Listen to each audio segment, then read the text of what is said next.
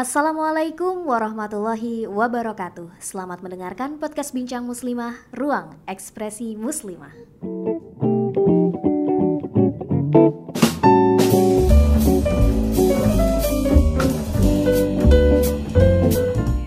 Assalamualaikum warahmatullahi wabarakatuh.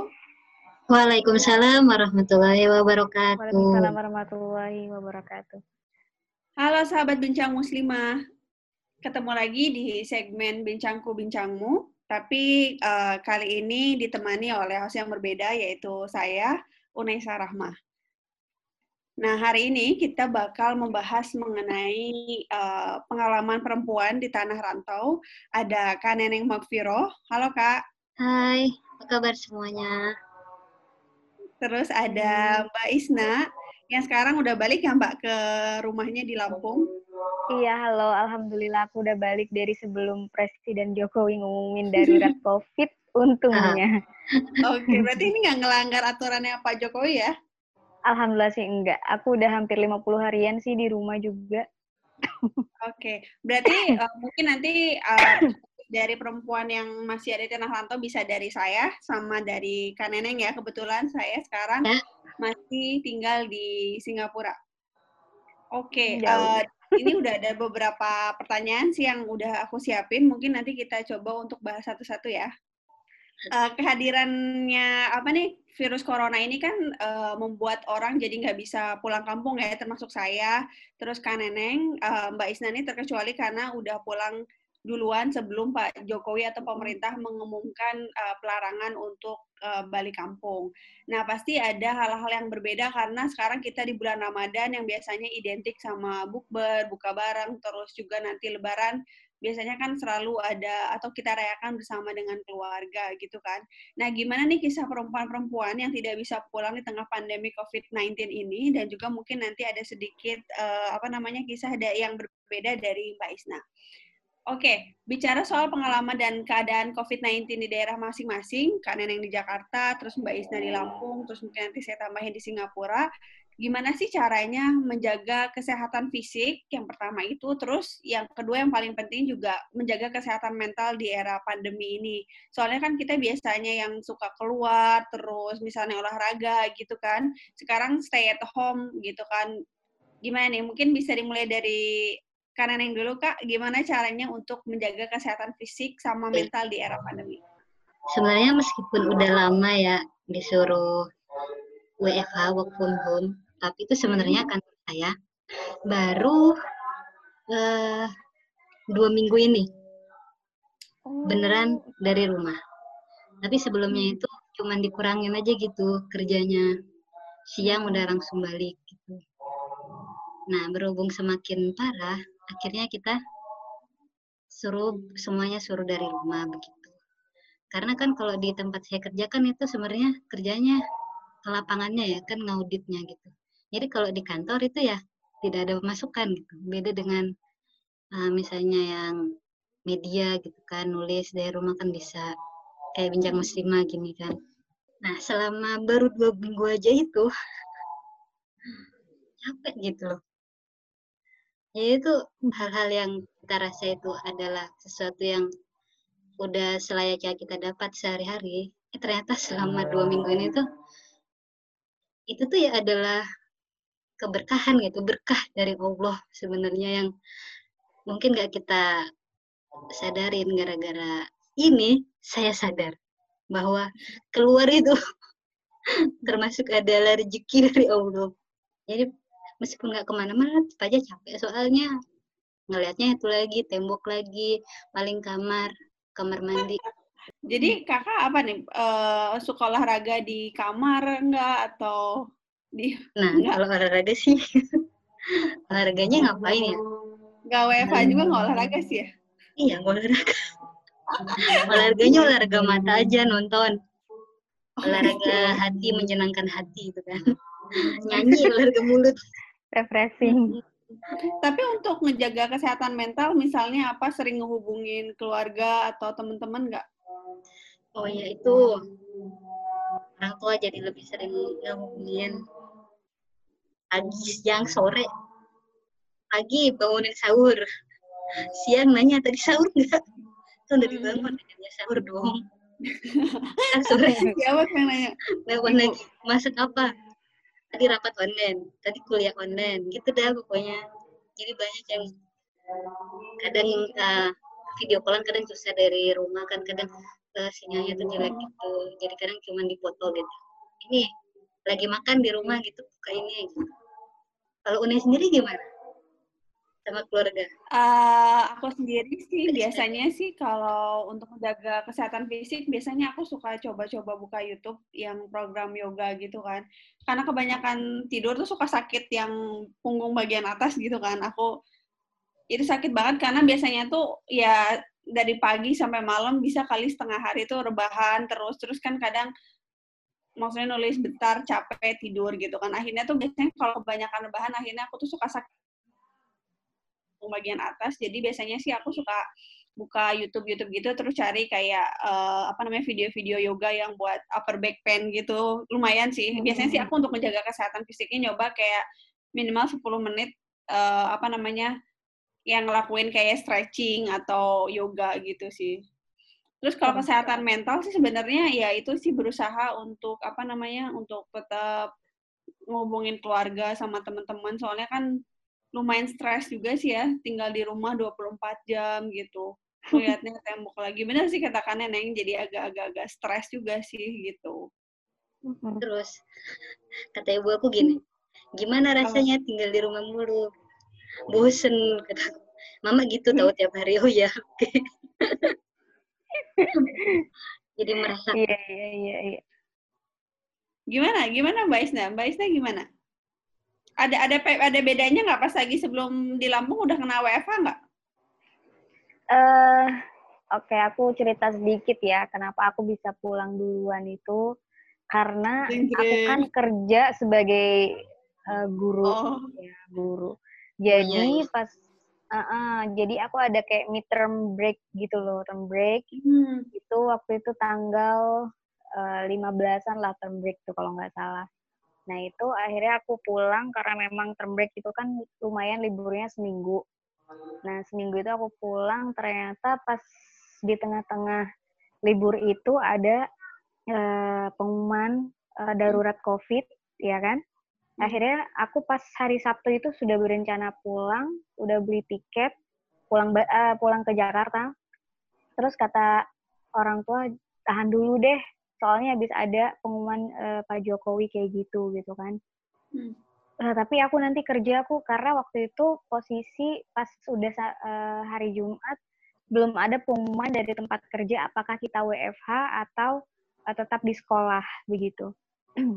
Akhirnya udah nggak apa-apa, Bismillah aja nanti kalau misalkan memang harus ke sekolah izin dulu katanya gitu daripada nanti ada apa-apa kayak gitu kan takutnya gitu akhirnya aku nurut sama orang tua dan uh, begitu aku apa namanya nggak pulang nggak pulang balik ke Jakarta akhirnya hmm, ya udah WFH kita dari rumah ngajar dan lain-lain gitu kan. Untuk seminggu dua minggu tiga minggu pertama oke okay, I can deal with it. Gitu. but ya, karena aku masih merasakan hawa-hawa liburan karena hmm, aku tuh hmm, hmm. pulang ke rumah itu mindset aku adalah untuk liburan. But the weeks after, oh my god, itu hmm. kita harus struggle banget. Karena meskipun kadang kumpul sama keluarga juga, uh, ya kita nggak bisa ignore bahwasanya kita butuh udara segar di luar. Apalagi aku, mungkin Kak Neneng juga gitu kan, tipikal orang yang memang uh, sukanya bekerja dengan uh, moving gitu ya kita tuh yang ke sana kemari dan lain-lain gitu lah. Atau sukanya tuh mencari suasana kerja yang baru gitu. Cuma untungnya aku biasanya ada hiburan itu dari ya dari anak-anak gitu kan. Karena e, ngajar itu aku bukan yang cuma assignment aja nggak nggak cuma assign anak-anak e, untuk ngerjain ini ngerjain ini enggak tapi kita harus live session kayak gini setiap setiap hari atau setiap minggu itu harus e, apa namanya tatap muka. Jadi layak apa ya a bit menghibur gitu loh sedikit hmm. menghibur si anak-anak itu kayak lucu-lucunya kadang kalau udah yang kelas besar-besar tuh kayak kita bisa kayak curhat kayak temen dan lain-lain hmm. cuma ya itu tadi setelah tiga minggu itu kok kayaknya aku juga sempat drop ya sempat hmm. drop yang nggak tahu kayak stres semuanya campur-campur deh kayaknya gitu yang kayak aduh ini kayaknya gue sakit karena stres dan lain-lain. Karena memang sakit itu yang kayak komplikasi gitu loh, kayak lambung terus habis itu pernapasan yang diserang dan lain-lain. Eh ya pokoknya apa ya effort banget lah gitu untuk untuk untuk ngejalanin masa-masa ini.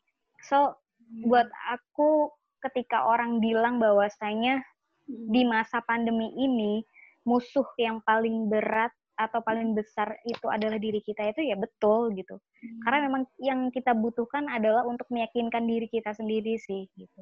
Cuma uh, setelah ke sini sini oke okay, kita ikhlaskan aja sih. Kalau udah kayak gini mau kayak gimana lagi ya kan? Pasti ada hmm. ibrohnya gitu. Wah seru banget ya. Ternyata walaupun udah balik ke rumah juga perasaan terisolasi masih tetap ada ya. Masih, jadi bukan masih. kayak kita aja yang jauh dari keluarga. Jadi sebenarnya udah balik uh -uh. ke rumah juga masih ada kayak perasaan. Masih, karena kan karena kan memang ini semua aturan aturan untuk semua ya, mau hmm. yang di rantau, mau yang di uh, rumah, semuanya ya harus uh, ikutan itu. Apalagi masalah ibadah juga uh, apa kita yang harus dirumahkan semuanya gitu. Hmm. Jadi emang benar-benar kayak beberapa hari yang lalu tuh kita didatengin sama Kaptipmas gitu ya.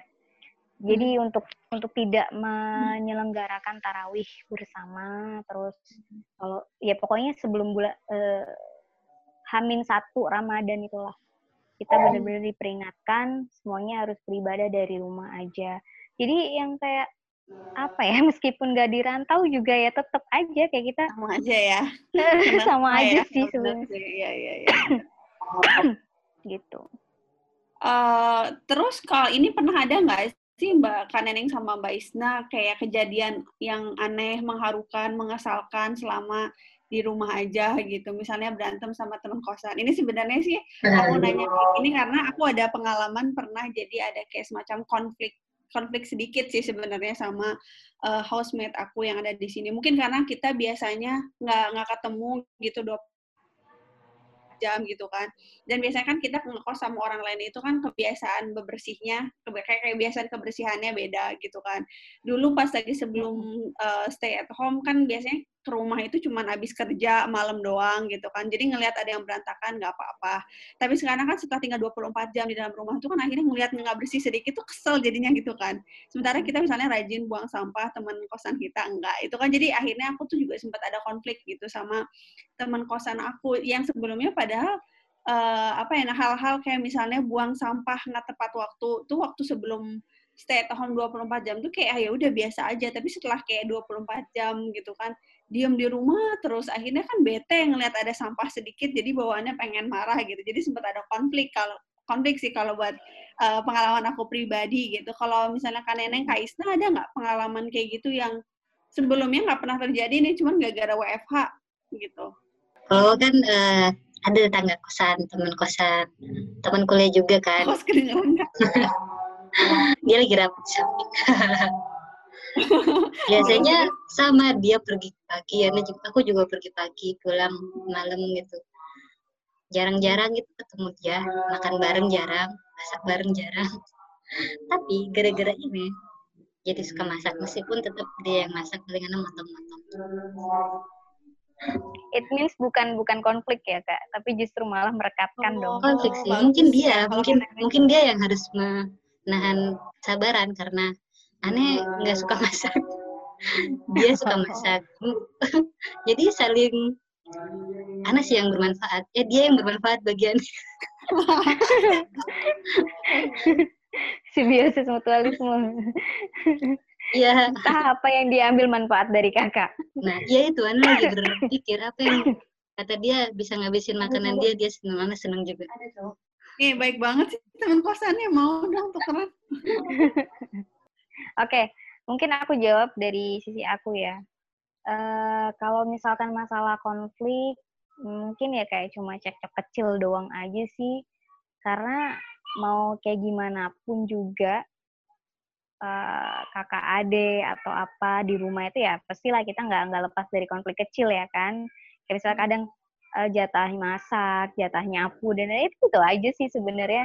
Nggak ada yang konflik besar banget enggak Oh, ada. Cuma ya yang sebenarnya yang menyebabkan konflik itu ya diri kita sendiri sih sebenarnya itu aja. itu kalau yang paling di aduh. rumah nih, kan kalau di rumah kan ada keluarga gitu ya ngajar. Mm-mm. ngajar dari rumah terus tapi ada keluarga. Kan jadi itu istilah sebenarnya punya kewajiban juga kan di rumah sebagai anak dan juga sebagai guru ngajar dari rumah itu gimana tuh buat iya nge-handle nya kalau kita di ah sini kan nah enggak itu ya? itu itu yang berat. Karena waktu awal-awal itu kayak yang sebenarnya kita sekeluarga juga semuanya pendidik gitu. Maksudnya guru ada eh, ibuku sama kakakku juga guru gitu kan. Cuma di sini eh, apa ya karena beda sih sistem pendidikan di kampung dengan di kota tuh kan beda gitu. Kayak mereka cuma kasih assignment aja lewat WA itu pun nggak yang setiap hari kayak cuma seminggu sekali doang gitu kan nggak harus tatap muka sama sekali nggak ada tatap muka.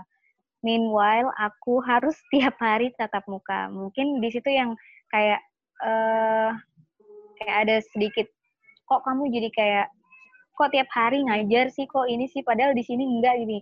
Ya itu yang yang yang yang kemudian aku harus ngasih pengertian eh, gimana supaya eh, aku bisa diterima dengan kerjaanku dari rumah kayak gini itu kayak cuma ya penyesuaiannya cepet sih kayak cuma seminggu doang habis itu oh akhirnya dipahami oh setiap aku ngajar oke gitu. Setiap aku ngajar nggak ada yang ganggu nggak ada ini ini ini, kayak gitu.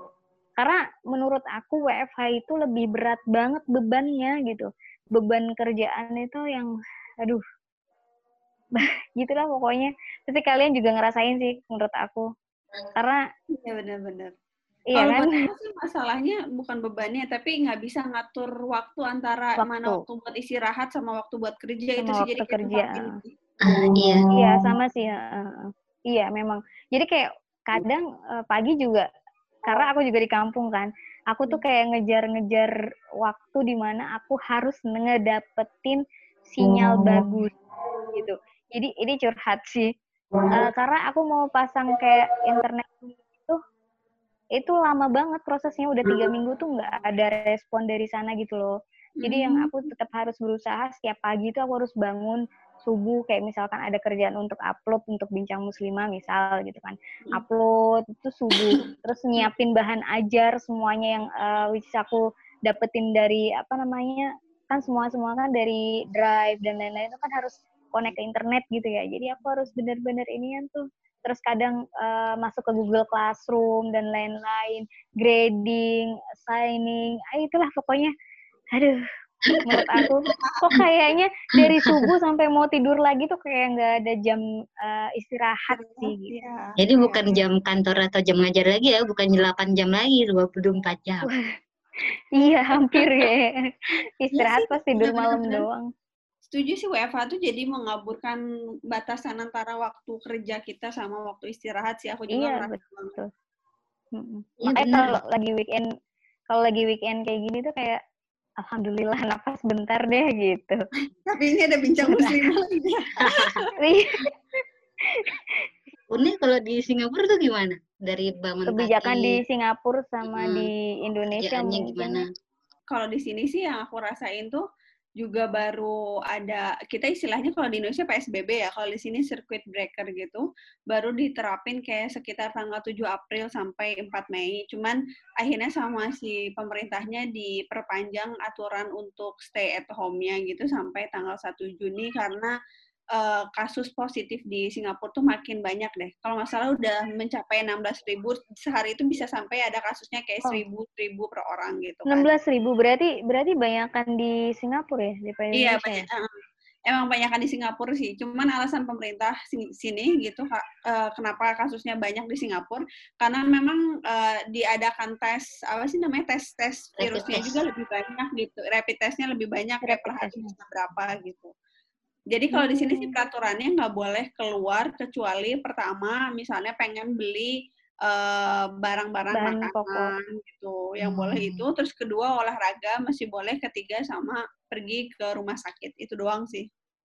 Hmm. Lebihnya harus selalu pakai masker kalau keluar rumah, terus eh, sekarang juga kalau misalnya naik bis gitu atau naik kereta tuh juga harus dibatasin satu kursi nggak ditempatin gitu. Terus udah ada tandanya gitu sih. Jadi di kursi di bis ada tandanya misalnya nggak boleh duduk di sini atau nggak boleh berdiri di sini gitu sih. Uh, terus sekarang tuh kalau di sini kan Singapura tuh ada yang namanya budayanya hawker center ya. Hawker center tuh sebenarnya macam kayak food court kalau di Indonesia. Cuman kalau di hmm. sini tuh orang-orang tuh biasanya tuh apalagi kayak uncle-uncle atau auntie-auntie yang udah tua itu, mereka biasanya setiap pagi sama setiap malam tuh pasti ngumpul bareng-bareng sama teman-teman mereka makan di hawker center gitu yang dekat sama uh, apa namanya apartemen. Nah tapi sekarang itu kebijakan pemerintah itu jadi kita nggak boleh makan di tempat. Jadi bolehnya cuman kayak apa take out. Jadi take boleh hmm, take away doang bolehnya gitu sih. Aku tuh penasaran sama di Jakarta sih gitu. Maksudnya hmm. di Jakarta sama PSBB tuh katanya kok kayaknya masih banyak apalagi yang waktu itu ada tayangan dari Mbak Nana ya masalah ini kok masih banyak banget katanya tuh masyarakat yang masih di luar. Emang betul kan Neneng? Sebenarnya sih kalau sepi nggak sepi. Emang masih banyak.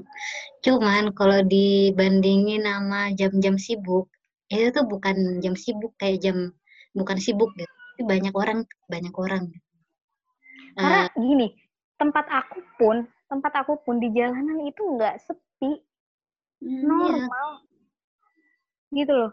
Aku tuh yang kayak ya ampun ya sebenarnya mas apa pemerintah tuh udah udah kerja se, se sebaik mungkin untuk kita gitu kan.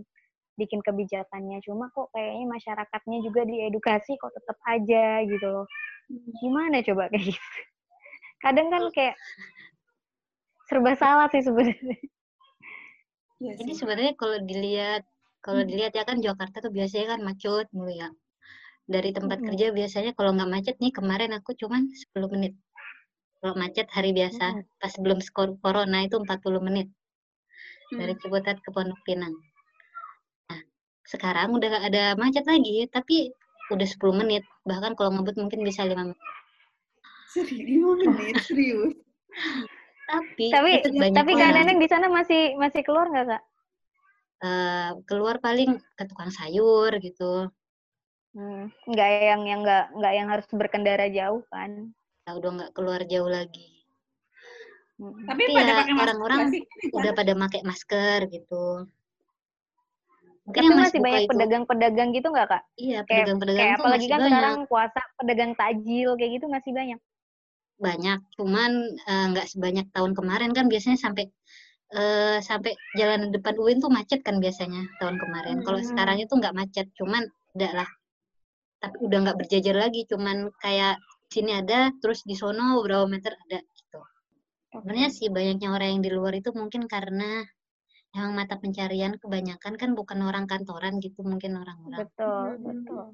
Yes. kemarin aku malah lihat berita viral ada orang yang udah nggak mampu lagi buat bayar kosan dua orang suami istri akhirnya dia tidur di bawah kolong jembatan Kampung Melayu kalau ya Allah kasihan ya maksudnya... karena memang ya Allah miris banget ya keadaan kayak gini tuh mudah-mudahan Indonesia segera membaik lah. Nah, itu yang pemerintah kita harusnya nurut sih. Uh, berjalan apa tuh apa namanya bergerak di situ maksudnya ngasih bantuan atau apa gitu buat orang-orang yang nggak bisa stay di at home kalau stay at home mereka mati gitu. Nggak ada pemasukan yeah, yeah. kalau di daerah Kaneneng sama Mbak Isna ada bantuan nggak sih dari pemerintah? Ada. Kalau tempat aku sih ada. Untuk orang-orang yang kurang mampu atau membutuhkan itu ada. Cuma hmm. kalau misalkan dilihat dari fenomena Jakarta karena Jakarta kan memang penduduknya bludak gitu ya. Jadi mungkin untuk apa merata kayak gitu kayaknya susah juga deh.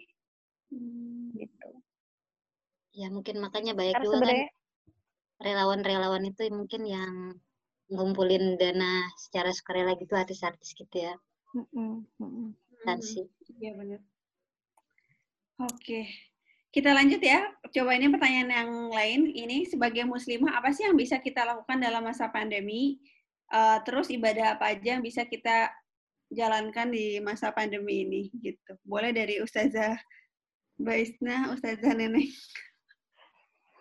ibadah untuk apa ya mungkin uh, pengoptimalan ibadah kita ya tetap hmm. ini aja sih sebenarnya kita harus ikhlas dengan keadaan dulu ketika kita hmm. ikhlas dengan hmm. keadaan kita mau suruh ibadah di rumah pun itu nggak apa-apa gitu jadi sebenarnya kalau misalkan kita bisa ambil ibroh nih gitu kita bisa ambil pelajaran justru ini adalah kesempatan kita untuk bisa memperbaiki kualitas ibadah kita dari tahun-tahun sebelumnya. Kayak misalkan mungkin di rumah kita bisa lebih fokus ibadah juga. Mungkin hmm. kalau misalkan di masjid kita zikirnya terburu-buru di rumah, we can stay longer gitu kan hmm. untuk hmm. duduk, uh, untuk zikir uh, apa namanya lebih banyak, tadarus juga lebih banyak kayak gitu aja sih. Jadi yang penting kita harus ikhlas ibadah ibadah itu sebenarnya secara garis besar mah bisa kan dikerjain sendiri atau di rumah gitu loh nggak mesti harus iya kayak... bisa bisa jadi kalau misalkan masalah jamaah juga kalau masalah jamaah menurut menurut aku sih itu bukan problem ya karena uh, untuk ngakalin jamaah misalnya di rumah kan ada keluarga ada hmm. ayah ada ibu dan lain atau kakak yang bisa ngimamin gitu kan terus kalau di kosan mungkin kayak Kak Neneng atau kayak Une gitu kan bisa hmm. panggil teman sebelahnya yang memang satu agama atau apa kayak gitu dan bisa diajak jamaah bareng. Jadi menurut aku sama aku aja sih. Gak ada yang bisa diajakin. Jadi gitu aja gitu. Kayak yang penting kita uh, sadar gitu, ikhlas. Itu aja sih, ikhlas aja. Sebenarnya biasa aja sih sama kayak biasanya ibadah di rumah.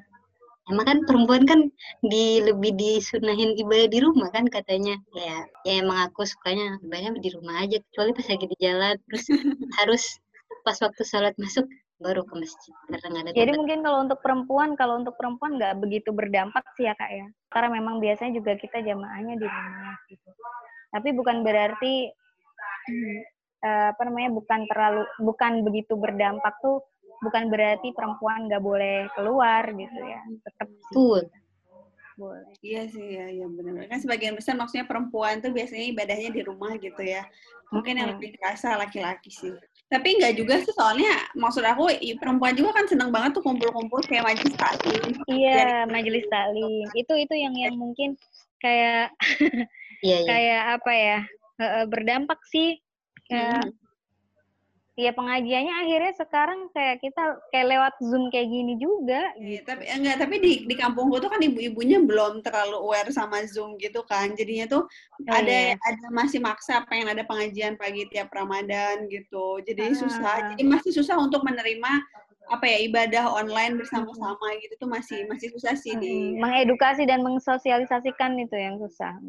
Hmm, benar-benar harus harus harus Kecuali kalau misalkan memang masyarakat apa namanya urban kayak gitu mungkin emang udah gampang lah. Mm-hmm. Ya, ya, ya nggak gampang juga sih. Buktinya juga sampai sekarang PSBB ini masih aja yang berkeliaran gitu kan. Ya, ya namanya manusia gitu kan pengennya tuh ya lurus-lurus aja on track semuanya. Padahal kan nggak nggak semuanya bisa on track gitu ya kan. Terus mungkin yang terakhir kali ya, refleksi okay. saat nggak bisa pulang Ramadan atau Lebaran atau mungkin refleksi untuk Lebaran sekarang nggak bisa kumpul-kumpul sama keluarga besar untuk Kak Isna apa sih? Apa pelajaran yang paling bisa kita petik dari situasi sekarang? Terlebih misalnya puasa dan Lebaran nggak bisa kumpul bareng keluarga besar.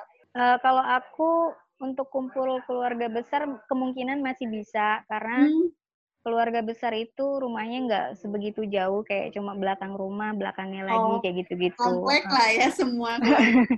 E -e, gitu. RT jadi kayak keluarga. dan alhamdulillahnya juga aku udah di sini gitu. Cuma mungkin nanti ada yang berdampak kayak kakak iparku nggak bisa pulang ke kabupaten sebelah gitu. Karena memang sekarang kalau udah masuk kabupaten lain di kampungku ini kayak udah dibatesin gitu. Jadi emang udah di nggak bolehin kalau untuk aku sendiri pribadi ya aku masih bersyukur sih udah udah di rumah dan keluarga juga nggak jauh itu mungkin yang kerasa banget sih kak Neneng sama Une ya. Yang Une luar negeri. Iya sih iya. bisa pulang. Uh, mungkin kalau buat aku apa ya mungkin aku biasanya selalu menganggap kalau ketemu sama keluarga gitu tuh hal yang gampang ya dulu sebelum ada pandemi ini. Tapi ya berarti kita kumpul-kumpul sama keluarga tuh ya bukan sesuatu yang ternyata bisa didapat dengan mudah sih. Setelah ada pandemi ini baru aku benar-benar kerasa. Hmm. Dulu kan kayak Allah sih Singapura dekat gitu kan. Pakai pesawat juga satu jam. Tapi ternyata setelah ada pandemi ini susah banget. Aku juga mungkin Juni atau nih Juni, Juli Agustus September nggak tahu juga kalau udah pandeminya beres di Singapura takutnya aku masih nggak boleh keluar juga kan dari sini keluar Hmm, jadi mungkin akhir tahun takutnya sih baru bisa balik ke balik ke Sukabumi ya kita gitu. doain yang terbaik aja untuk Indonesia Amin. untuk semuanya untuk dunia sih sebenarnya heal the world kan Neneng gimana kak Kalau aku sih, ya itu tadi pas udah boleh, pas disuruh kerjanya dari rumah gitu ya. Terus aku mikir apa aku kerja di rumah beneran ya pulang kampung gitu maksudnya gitu. Daripada di sini ke mana-mana tidak ketemu keluarga juga gitu kan. Sayangnya udah PSBB. Jadi ya udah itu telat paling udah telat dulu udah telat. Ah, Paling ya orang tua paling ya udahlah kamu nggak usah pulang dulu nggak apa-apa mama gitu. Ya. kayak temen aku sih dia ngerencanain pulang tanggal 25 April kemarin eh ternyata larangan Lompat. mudik itu keluar tanggal 22 ya 22 atau 23 gitu jadi kayak telat aduh kayak nyesel deh jadinya nggak cepet pulang gitu kan tapi ya itu Iya. udah itu yang paling baik lah buat kita Hmm. mau pulang juga takutnya disuruh ke kantor. Pernah tuh, Oh. iya Neneng coba ke kantor, bentar doang, ambil ini gitu doang. Mm, Pas lagi di rumah suruh ke kantor. oh, jauh banget ya. mm, Iya sih. Eh, Oke, mungkin bincang-bincang kita untuk hari ini terkait dengan COVID-19 eh, cukup Mm-mm. sekian. Banyak pengalaman saya Iya. kira yang bisa diambil ya. Dari tadi Iya, beberapa kisah, ada Kak Neneng, terus ada Kak Isna, terus ada saya juga. Eh, jumpa lagi di podcast Bincangku Bincangmu dari Bincang Muslimah lain kali bersama saya Unesa Rahman. Terus nanti juga mungkin masih ditemenin sama Kak Neneng Kak Isna ya. Untuk ngobrol-ngobrol serunya. iya iya iya Nah, makasih jadi- banyak kak Une udah ngajakin kita ngobrol-ngobrol Ya, sampai ketemu lagi sehat selalu semuanya buat kak Neneng di Jakarta buat Une di Singapura Amin. Nah, Makasih semuanya teman-teman di belahan dunia mana pun. Ya pokoknya buat kita semuanya deh sehat-sehat. Amin. Iya, oke. Jangan lupa tetap pakai masker. Ibadah Hmm. taraweh, puasa masih bisa dijalankan ya. Sekian, terima Betul. kasih. Assalamualaikum warahmatullahi wabarakatuh. Waalaikumsalam warahmatullahi wabarakatuh.